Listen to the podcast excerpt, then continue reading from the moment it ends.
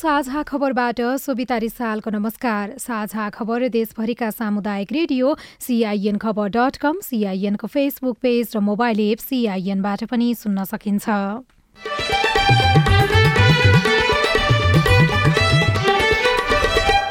राष्ट्रपतिको निर्वाचन फागुन पच्चिस गते हुने राष्ट्रिय योजना आयोगमा तीनजना सदस्य नियुक्त गृहमन्त्री र राष्ट्रपतिका विषयमा सत्ता गठबन्धनभित्र खटपट।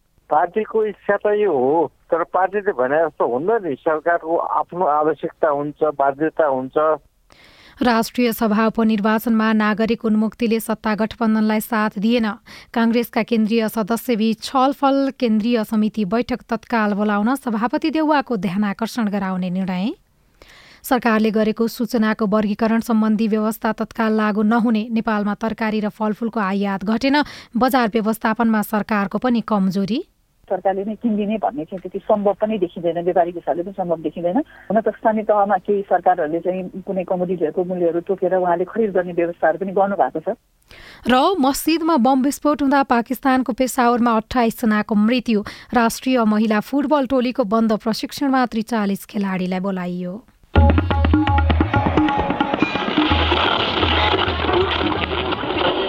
सयौं रेडियो। हजारौं रेडियो कर्मी र करोडौं नेपालीको माझमा यो हो सामुदायिक सूचना नेटवर्क सिआइएन प्रजातन्त्र र नागरिक अधिकारको माग गरे बापत दुई हजार सात सालमा चारजनालाई मृत्युदण्ड दिइएको सम्झनामा माघ सोह्र गते शहीद दिवस मनाउने गरिन्छ। त्यस यताका विभिन्न राजनीतिक आन्दोलनमा ज्यान गुमाएकाहरूको समेत सम्झनामा वर्षेनी दिवस मनाउने गरिए पनि शहीदको मार्गदर्शन अनुसार सरकारहरू चल्न सकेका छैनन्। दिवसको दिन शहीदका प्रतिमामा माल्यार्पण र मौन धारण गरेर मात्रै नभई शहीदले देखेको सपना पूरा गर्नेतर्फ सरकार र दलहरू अग्रसर देखिनुपर्छ। अब खबर अविनाश आचार्यबाट। राष्ट्रपतिको निर्वाचन यही फागुन पच्चिस गते हुने भएको छ। निर्वाचन आयोगले राष्ट्रपतिको फागुन पच्चिस गते र उपराष्ट्रपतिको चैत्र तीन गते निर्वाचन गर्ने निर्णय गर्दै निर्वाचनको तालिका समेत सार्वजनिक गरेको आयोगका प्रवक्ता शालिग्राम शर्मा पौडेलले जानकारी दिनुभयो। राष्ट्रपतिको निर्वाचनका लागि फागुन दस गते मतदाता नामावली प्रकाशन गर्ने दस र एघार गते दावी विरोध र उजुरी लिने एघार र बाह्र गते निवेदन तथा उजुरीमाथि छानबिन गर्ने कार्यतालिका छ। आयोगले फागुन बाह्र गते अन्तिम मतदाता नामावली प्रकाशन तेह्र गते मनोनयन पत्र दर्ता र उम्मेद्वारको सूची प्रकाशन चौध गते उम्मेद्वारी विरुद्ध उजुरी दिने चौध र पन्ध्र गते मनोनयन र उजुरीमा छानबिन गरी निर्णय गर्ने जनाएको छ। त्यस्तै फागुन पन्ध्र गते उम्मेद्वारको नामावली प्रकाशन गर्ने सोह्र गते उम्मेद्वारले नाम फिर्ता लिने सोह्र गते साँझ नै उम्मेद्वारको अन्तिम नामावली प्रकाशन गर्ने फागुन पच्चिसमा मतदान गर्ने आयोगका प्रवक्ता पौडेलले बताउनुभयो। त्यस्तै उपराष्ट्रपतिको निर्वाचनका लागि मनोनयन पत्र दर्ता फागुन सत्ताइस गते हुनेछ। फागुन अठाइसमा दावी विरोध र सोही दिन साँझ उम्मेद्वारको अन्तिम नामावली प्रकाशन गर्ने तालिका छ। राष्ट्रपति र उपराष्ट्रपतिको निर्वाचनमा सातै प्रदेशमा मतदान गर्ने तयारी गर्ने प्रयास गरे पनि तत्काल सम्भाव नदेखिएकाले मतदान काठमाडौँमा हुने आयोगका प्रवक्ता पौडेलले सिआइएनसँग बताउनुभयो। कानुनमा निर्वाचन अधिकृतले एउटा पदको लागि योभन्दा बढी निर्वाचन अधिकृत तोक्न मिल्दैन। निर्वाचन अधिकृतले निर्वाचनको सञ्चालन रेखदेख गणना सबै गर्नुपर्ने छ भन्ने उल्लेख छ। अब यो राष्ट्रपतिका लागि पहिलो निर्वाचन त होइन। यहाँनिर कमजोरी छ भन्ने कुरा पहिल्यै के लाउन सकिएको भए अहिले त्यो कमजोरी फेरि सुधारेर लैजान सकिन्थ्यो होला होइन? त्यति ठुलो इस्यु हो र भने प्रदेश सभाका सदस्यहरू काठमाडौँमा आएर मतदान गर्ने विषय त्यति ठुलो मुद्दा हो जस्तो मलाई लाग्दैन होइन? त्यति ठुलो विषय त होइन भन्नुभयो तर प्रदेशका सांसदहरू सबै आउँदाखेरि त्यो व्यवस्थापन राज्यले नै गर्ने होला। त्यसले त फेरि अर्को दोहोरो घाटा हुने भयो नि होइन? तपाईँ हामी पनि अब आफ्नो जिल्लाबाट काठमाडौँ आउँदाखेरि खर्च हुँदाखेरि त मेरो पकेटबाट तपाईँको पकेटबाट गए पनि अर्थतन्त्रमा त्यसको असर त पर्छ नै। त्यसरी भन्दा त हो। अब यो विद्युतीय मतदान पनि अहिले यो सानो निर्वाचनमा प्रयोग गर्न पाएको भए अर्को निर्वाचनका लागि यसले पनि अर्को सजिलो बाटो पैदा हुन्थ्यो त्यो प्रयोगका लागि भन्ने कुराहरू पनि छन्। हो यहाँले भनेको कुरा ठिक हो तर अब विद्युतीय मतदान गर्ने विषय विद्युतीय मतदान यन्त्रको आवश्यकता हुन्छ। विद्युतीय मतदान यन्त्र कहाँबाट आउने? त्यसको विश्वसनीयताको कुरा आउँछ। तर अब आगामी निर्वाचनहरूमा आम निर्वाचनहरूमा चाहिँ इभिएममा जानुपर्ने चाहिँ देखिन्छ आयोगको त्यो मान्यता पनि छ। राष्ट्रपति र उपराष्ट्रपतिको निर्वाचनमा निर् सङ्घीय संसद र प्रदेश सांसदका प्रदेश संसदका सांसदले मतदान गर्छन्। राष्ट्रपति विद्यादेवी भण्डारीको कार्यकाल आउँदो अठाइस फागुनमा सकिँदैछ। संविधान र निर्वाचन कानुनमा कुरा बाझिएको भन्दै राष्ट्रपतिको निर्वाचन कहिले हुने भन्ने अन्यल थियो। नेकपा माओवादीका नेताहरूले गृहमन्त्रीको पद माओवादीले नै राख्नुपर्नेमा नेतृत्वलाई दबाब दिएका छन्। सर्वोच्च अदालतले तत्कालीन उप प्रधानमन्त्री र गृहमन्त्री रवि लामिछानेको नागरिकता कायम नरहेको ठहर गरेपछि अहिले प्रधानमन्त्री प्रचण्डले नै गृहमन्त्रीको जिम्मेवारी सम्हालिरहनु भएको छ। लामिछानेले नागरिकता पुनः प्राप्त गरेपछि गृहमन्त्री आफूलाई दिन प्रचण्डलाई आग्रह गर्नुभएको छ। राष्ट्रिय स्वतन्त्र पार्टीले पनि गृहमन्त्री पद आफ्नो भागमा परेकाले त्यसबारे अरूले निर्णय गर्न नपाउने बताएको छ तर माओवादी नेताहरूले भने गृहमन्त्री आफैसँग राख्न अध्यक्ष एवं प्रधानमन्त्री दाहाललाई दबाब दिइरहेका छन्।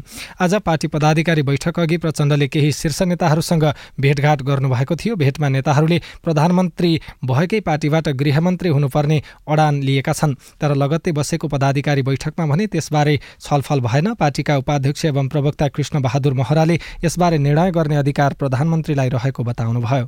पार्टीको निर्णय भयो होइन? पार्टीले के चाहन्छ भने गृहमन्त्री प्रधानमन्त्री राष्ट्र सबै चाहन्छ नि। पार्टीको इच्छा त यो हो तर पार्टीले भने जस्तो हुन्न नि। सरकारको आफ्नो आवश्यकता हुन्छ बाध्यता हुन्छ।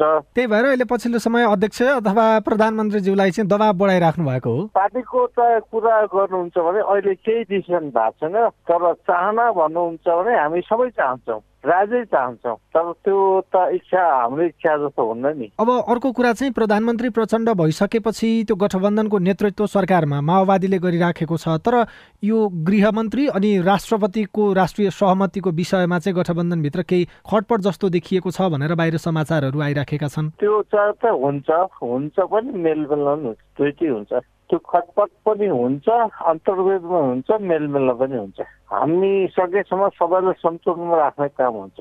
सत्तारूढ मुख्य दुई घटक नेकपा एमाले र नेकपा माओवादी केन्द्रबीच राष्ट्रपतिको विषयमा खटपट देखिएको छ। माओवादी केन्द्रले राष्ट्रिय सहमति कायम गर्ने भन्दै राष्ट्रपतिमा नेपाली काङ्ग्रेसका उम्मेद्वारलाई सघाउने सङ्केत गरेपछि एमाले झस्किएको छ। प्रधानमन्त्री माओवादी केन्द्रले पाउने भएपछि सभामुख र राष्ट्रपति एमाले पाउने सहमति भएअनुसार नै अघि बढ्ने विश्वास गरिरहेको बताए पनि एमालेका नेताहरू माओवादी केन्द्रको केन्द्रीय समितिको बैठकमै राष्ट्रिय सहमति कायम गर्ने भन्ने विषयमा अधिकांश नेताहरू सहमत हुनुले माओवादीले काङ्ग्रेसलाई पनि सँगै लैजान खोजेको एमाले नेताहरूको बुझाइ छ। अर्कोतिर प्रधानमन्त्री दाहालले गृह मन्त्रालयको जिम्मेवारी राष्ट्रिय स्वतन्त्र पार्टीलाई नदिन खोजेपछि एमाले र माओवादी बीचको दूरी अझ बढेको आकलन गरिएको छ। यसैबीच नेकपा माओवादी केन्द्रको स्थायी समिति बैठक पर्सीका लागि सारिएको छ। आज पेरिस डाँडामा बोलाइएको पदाधिकारी बैठकमा नेताहरूको कार्यविभाजनको विषयमा कुरा नमिलेपछि भोलि बस्ने भनिएको स्थायी समिति बैठक पर्सीका लागि सारिएको प्रवक्ता महराले जानकारी दिनुभयो। केन्द्रीय कार्यसमिति बैठक बोलाउन नेपाली काङ्ग्रेसका केन्द्रीय सदस्यहरूले पहल थालेका छन्। आज बालुवाटारमा भन्दा बढी केन्द्रीय सदस्य भेला भएर सभापति शेरबहादुर देउवालाई जतिसक्दो छिटो केन्द्रीय कार्यसमितिको बैठक बोलाउन दबाब दिने निर्णय गरेका हुन्। यस्तै महत्त्वपूर्ण विषयमा केन्द्रीय कार्यसमितिलाई व्यवस्था गर्दै पार्टीको केन्द्रीय कार्य सम्पादन र पदाधिकारीको निर्णय गर्ने अभ्यास रोक्न सभापतिको ध्यानकर्षण गराउने निर्णय बैठकले गरेको छ। पदाधिकारी र कार्य सम्पादनबाट भएका निर्णयमा काङ्ग्रेसले उपलब्धि हासिल गर्न नसकेको बैठकले निष्कर्ष निकालेको नेताहरूले बताएका छन्। सरकारले गरेको सूचनाको वर्गीकरण सम्बन्धी व्यवस्था तत्काल लागू नहुने भएको छ।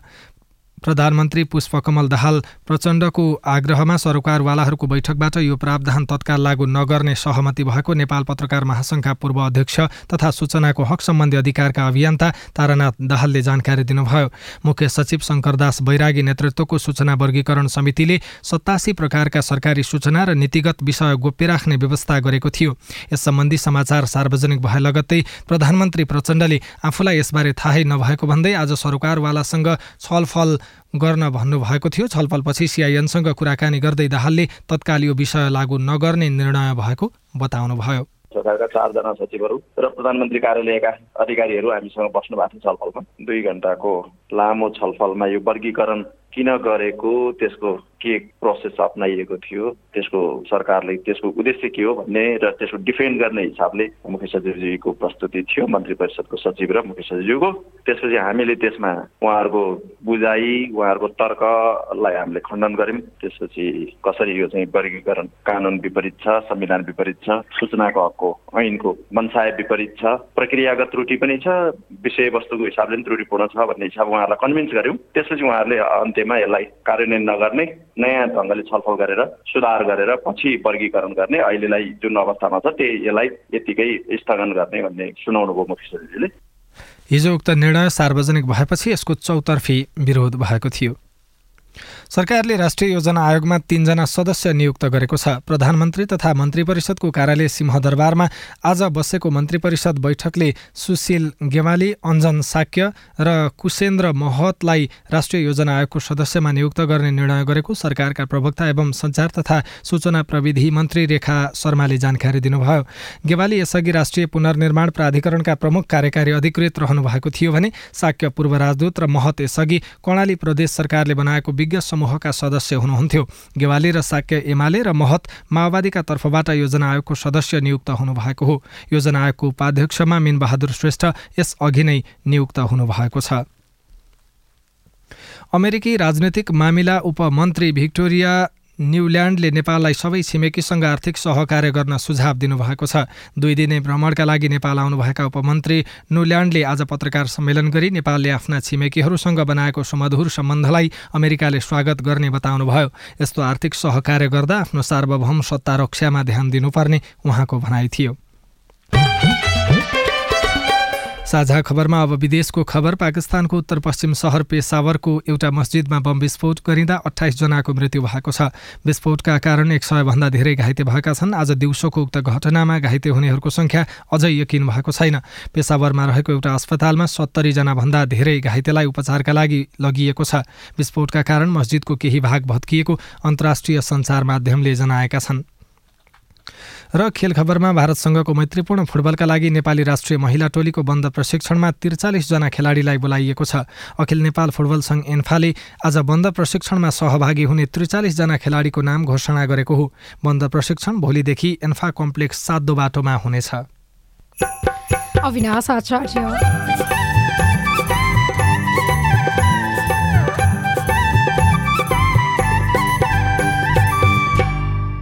काभ्रे भकुण्डे बेसीको मेथिनकोट अस्पतालमा सेवा विस्तार। हामी एकदमै रिसोर्सफुल छौँ। हामीसँग हाड जोड्नेको विशेषज्ञ हुनुहुन्छ। हामीसँग मानसिक नशा रोग विशेषज्ञ हुनुहुन्छ र हामीसँग डेन्टल विशेषज्ञ हुनुहुन्छ। त्यसले गर्दा काम गर्न निकै सजिलो भएको छ।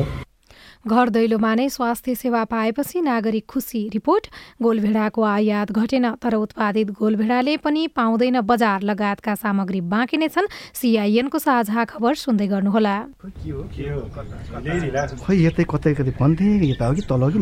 सर नमस्ते। हजुर नमस्ते नमस्ते। हजुर के सेवा गरौँ? सूचनाको हक भन्ने बारेमा रेडियो टिममा खुब सुनिन्थ्यो। हजुर। आज पालिकामा छिरेको बेलामा सोधिहाले हजुरलाई।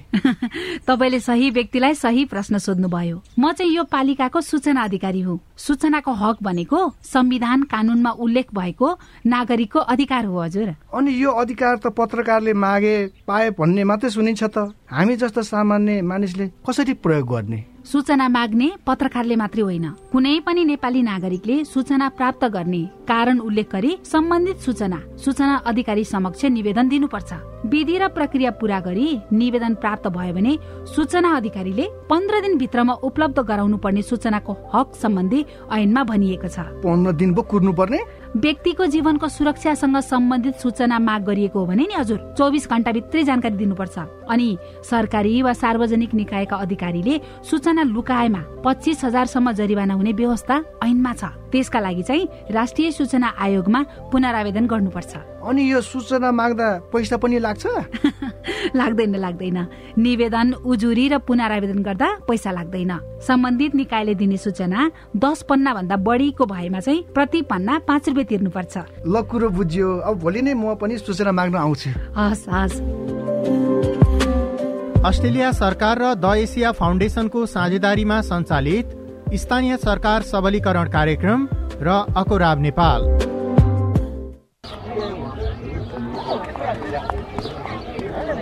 सबैलाई नमस्कार। अध्यक्ष उपाध्यक्ष सदस्य सबै पो आउनुभएछ त। हामी त विपद व्यवस्थापनमा जनप्रतिनिधिको भूमिकाकै बारेमा पो छलफल गर्दै थियौँ। अनि के छ निष्कर्ष सुनौ न त? बाढी पहिरो भूकम्प लगायतका विपदको समयमा महिलाका समस्या सम्बोधन गर्न पालिकाले अझ धेरै काम गर्न सक्छ भन्ने हाम्रो बुझाइरह्यो।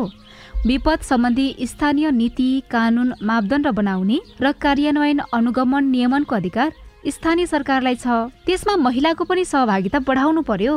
पालिकाको अध्यक्ष मै छु। पाएको अधिकार अनुसार हामी बनेको कानुन कार्यान्वयन गर्ने अनि आवश्यक कानुन बनाउने चरणमै छौँ। अब तपाईँका सुझाव पनि समेटिन्छन् है। विपदको तयारी र प्रतिकार्यका लागि पालिकामा रहेको संयन्त्र र योजना अनि नीतिहरू महिला बालबालिका अपाङ्गता भएका यौनिक अल्पसंख्यक समुदायका व्यक्तिको आवश्यकतामा आधारित हुनु पर्यो अध्यक्षज्यू। दिदीबहिनीहरूले सही कुरा उठाउनु भयो यहाँ उठेका सबै कुरा कार्यपालिकाको बैठकमा राख्ने प्रतिबद्धता जनाउँदै बरु अध्यक्षज्यू अहिलेसम्म बनेका कानुन कस्तो बने? अनि भविष्यमा कस्तो बनाउने भन्ने बारे भोलि नै एउटा छलफल राखौँ न हुन्न? विपद पहिले विपदको बेला र विपद पछि कस्तो नीति बनाउने र महिलालाई कसरी सम्बोधन गर्ने भन्ने बारेमा भोलि नै सर्वपक्षीय बैठक गरौँ। आएका सुझाव समेटेर बनेका कानुन संशोधन र नयाँ कानुन बनाउन पालिका तयार छ। विपद सम्बन्धी कानुन निर्माण र कार्यान्वयनमा महिलाको अर्थपूर्ण सहभागिता खोजौँ। युएन उमनको सहयोगमा ल्याक र अकोराब नेपाल। सामाजिक रूपान्तरणका लागि यो हो सामुदायिक सूचना नेटवर्क सिआइएन तपाईँ सामुदायिक सूचना नेटवर्क सिआइएनले तयार पारेको साझा खबर सुनिरहनु भएको छ। नियमावली मस्यौदा समितिको आज बसेको बैठकले शून्य र विशेष समयमा उठेका विषयको जवाफ सम्बन्धित मन्त्रीले सात दिनभित्रमा सदनलाई उपलब्ध गराउनुपर्ने निर्णय गरेको छ। समितिले प्रतिनिधि सभा नियमावली दुई हजार पचहत्तरको परिषद चारको नियम एघारदेखि सोह्रसम्म दफावार छलफल गरेको थियो।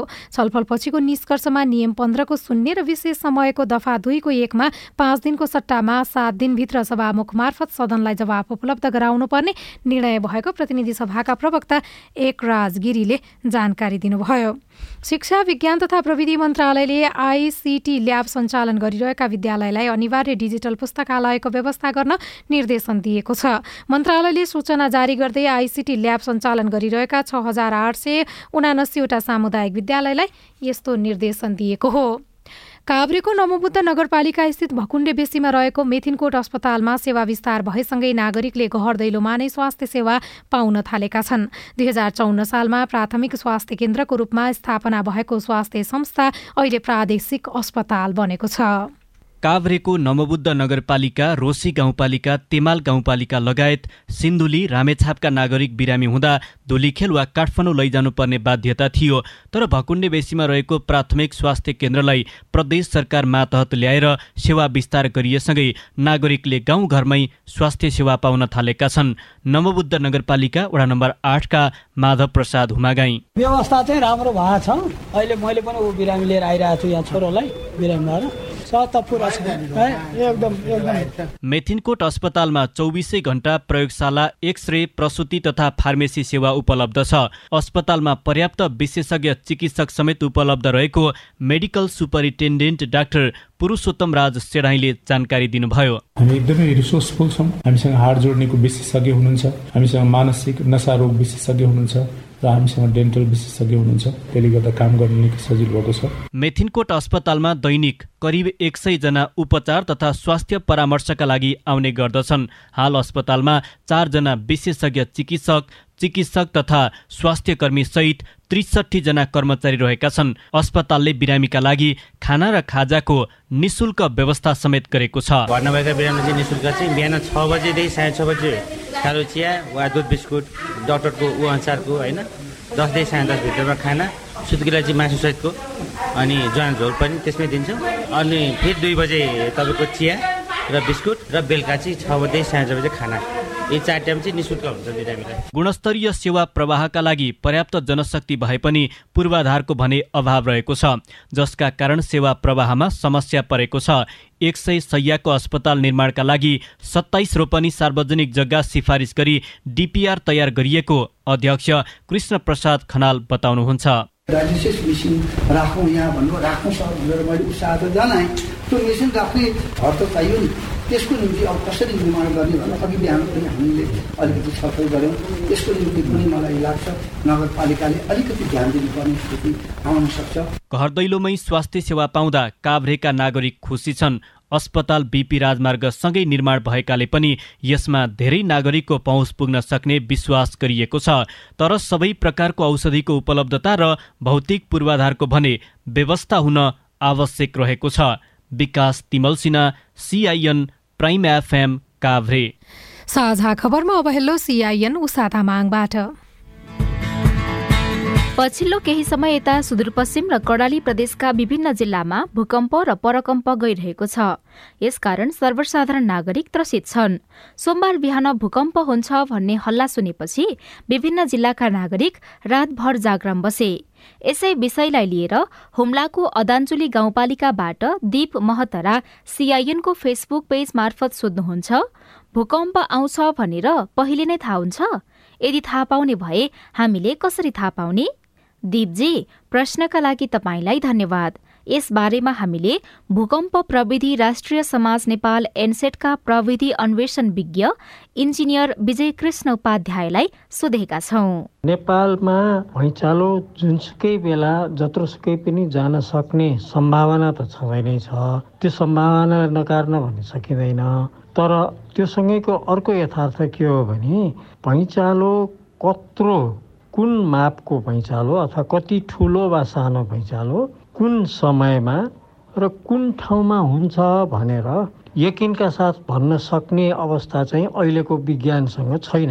त्यसैले यी यस्ता कुराहरूमा चाहिँ विश्वास गरेर रातभरिभरि बाहिर बस्नुपर्ने कुनै पनि जरुरी छैन।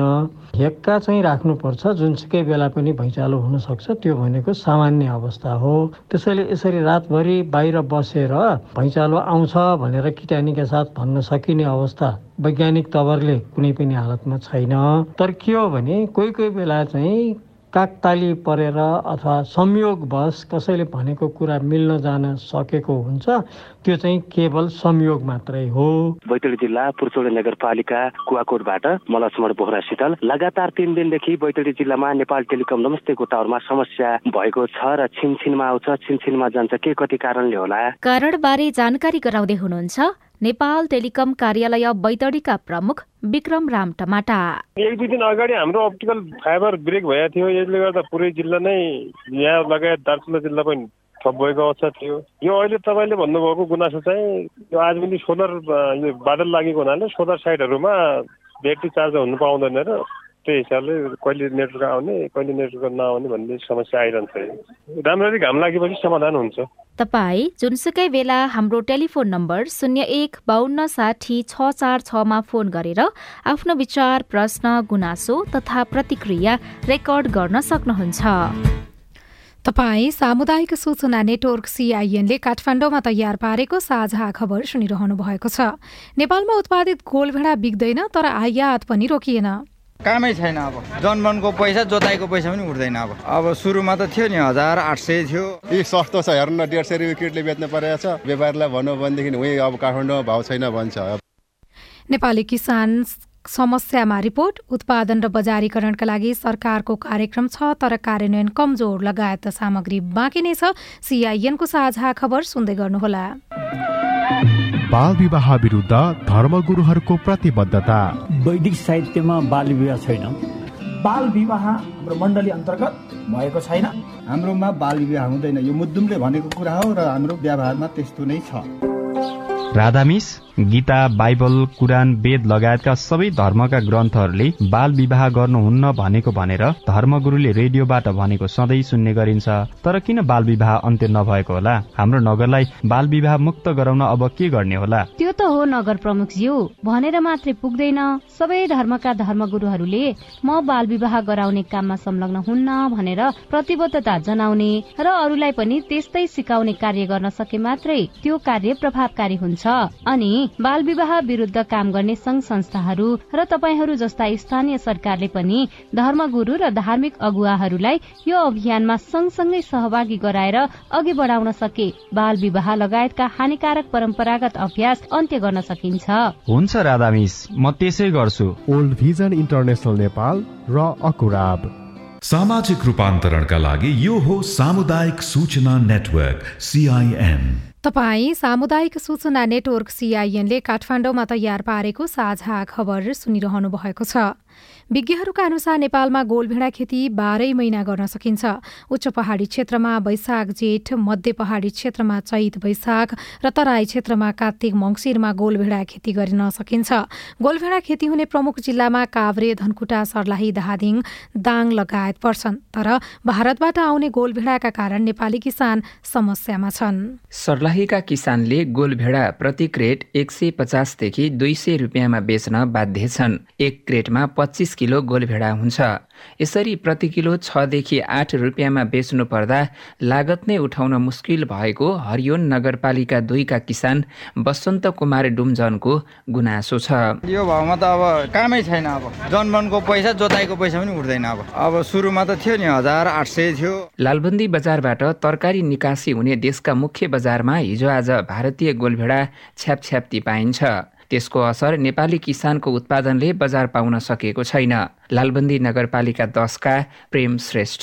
यी सस्तो छ हेर्नु डेढ सय रुपियाँ किटले बेच्नु परेको छ। व्यापारीलाई भन्नु भनेदेखि उहीँ अब काठमाडौँमा भाउ छैन भन्छ। अब के भन्ने? यसपालि उठ्ला जस्तो छैन लगानी। तपाईँको पोहोरको हिसाबले टमाटर यसपालि धेरै आयो क्या? लालबन्दी नगरपालिका एक नवलपुरका किसान चरित्र कुशवाहाले दस कट्ठामा लगाएको गोलभेडा बेच्ने बेला भइसकेको छ। तर व्यापारीले खरिद गर्न नमानेको उहाँको भनाइ छ। व्यापारीले लानु मानिरहेको छैन इन्डियन माल त्यहाँ ठेली ठेलिरहेको छ त्यो गर्दाले यहाँ मार परिरहेको छ हामीलाई। भाउ नपाएको भन्दै व्यापारीले गोलभेडामा भाउ नै लगाउन छोडेका छन्। लालबन्दी कृषि थोक तरकारी बजार व्यवस्थापन समितिका अध्यक्ष समेत रहनु भएका व्यापारी तोरन बहादुर मगर। इन्डियन गोलभेडा चाहिँ नेपालमा चाहिँ भित्रियो कारणले पनि यो हाम्रो जुन लोकल गोलभेडालाई चाहिँ असर पर्नु कारण चाहिँ त्यही हो होइन?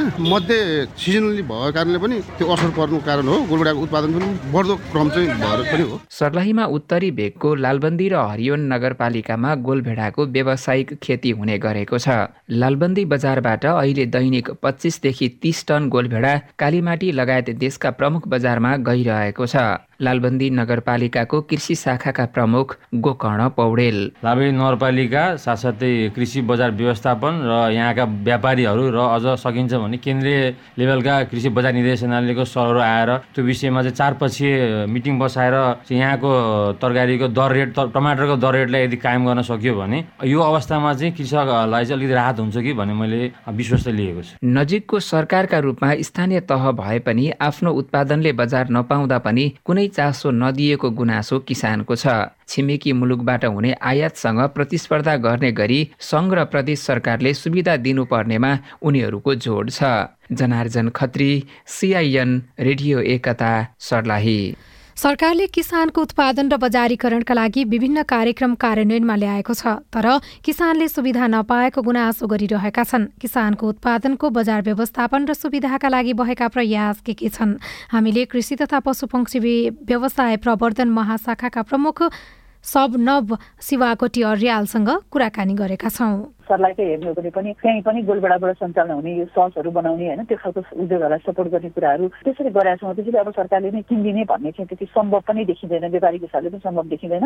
हुन त स्थानीय तहमा केही सरकारहरूले चाहिँ कुनै कमोडिटीहरूको मूल्यहरू तोकेर उहाँले खरिद गर्ने व्यवस्थाहरू पनि गर्नुभएको छ। सम्भावित बालीहरूमा जुन न्यूनतम समर्थन मूल्य तोकेर खरिद गर्ने र अरू चाहिँ त्यो वस्तुको बालीलाई बजारीकरण गर्नको लागि अन्य सपोर्टहरू जति पनि गर्नुपर्छ त्यो फेसिलिटेसन सपोर्ट मेजर्सहरू चाहिँ हामीले प्रदान गर्दै आइरहेका छौँ। जस्तो सर्लाहीको मात्रै पनि त्यहाँका किसानले बारीभरि अहिले गोलभेडा छ। छ रुपियाँ दस रुपियाँ प्रति केजी बेच्दाखेरि पनि नबिक्ने स्थिति भइरहेको छ। यो यो एउटा प्रतिनिधि मात्रै भयो। यस्तो विषयमा कुनै कार्यक्रम छ सरकारको कृषि विकास मन्त्रालयको? दुईवटा कुरा हुन्छ। एउटा चाहिँ जस्तो कुनै सिजनमा उहाँले मूल्य पाउनुहुन्छ कुनै सिजनमा मूल्य नपाउने एउटा सम्भावना त्यो पनि देखिन्छ होइन। जस्तो उत्पादन अलिक बढी हुने बित्तिकै प्रोडक्सन ग्लट हुने बित्तिकै बजारमा चाहिँ मूल्य नियमित भन्दा कम पाउने गरेको त्यो त तथ्य छँदैछ। हाम्रो किसानको उत्पादन चाहिँ होलसेल बजारसम्म कसरी आइपु आइपुग्नलाई समस्या अवरोध देखेको भनेको चाहिँ साना किसानहरूको धेरै किसानहरूको जम्मा भएपछि मात्रै होलसेलमा बल्क अमाउन्टमा चाहिने चाहिँ उत्पादन हुँदो रहेछ होइन? सङ्कलन हुँदो रहेछ। त्यसले गर्दा उहाँले चाहिँ त्यो इन्डिभिजुअल किसानहरूसँग कलेक्सन गरेर ल्याउन भन्दा बाहिरबाट मगाउन सजिलो हुने भन्दा त्यसरी चाहिँ उहाँले गरिराख्नु भएको छ। यो समस्या समाधान गर्नको लागि हामीले बनाइराखेको कार्यक्रम योजना कार्यान्वयनमा छ त्यसबारेमा किसानलाई थाहा छैन अथवा किसानहरूको जुन आवश्यकता छ त्यसलाई पूर्ति गर्ने गरी हामीले कार्यक्रम अथवा योजना बनाउन सकेनौँ। सरकार त्यति नै बेला त समाधान पनि हुँदैन कतिपय समस्याहरू होइन? हामीले त्यसलाई नीतिगत हिसाबले सम्बोधन गर्ने कुराहरू हुन्छ। बजारहरू पनि जस्तो स्थानीय स्तरमा पनि बजारहरू निर्माणहरू गर्ने त्यहाँ लगेर किसानको उत्पादहरूको बिक्री गराउनलाई कनेक्ट गराइदिने कुराहरू छ होइन? राष्ट्रपतिको निर्वाचन फागुन पच्चिस गते हुने भएको छ। राष्ट्रिय योजना आयोगमा तीनजना सदस्य नियुक्त भएका छन्।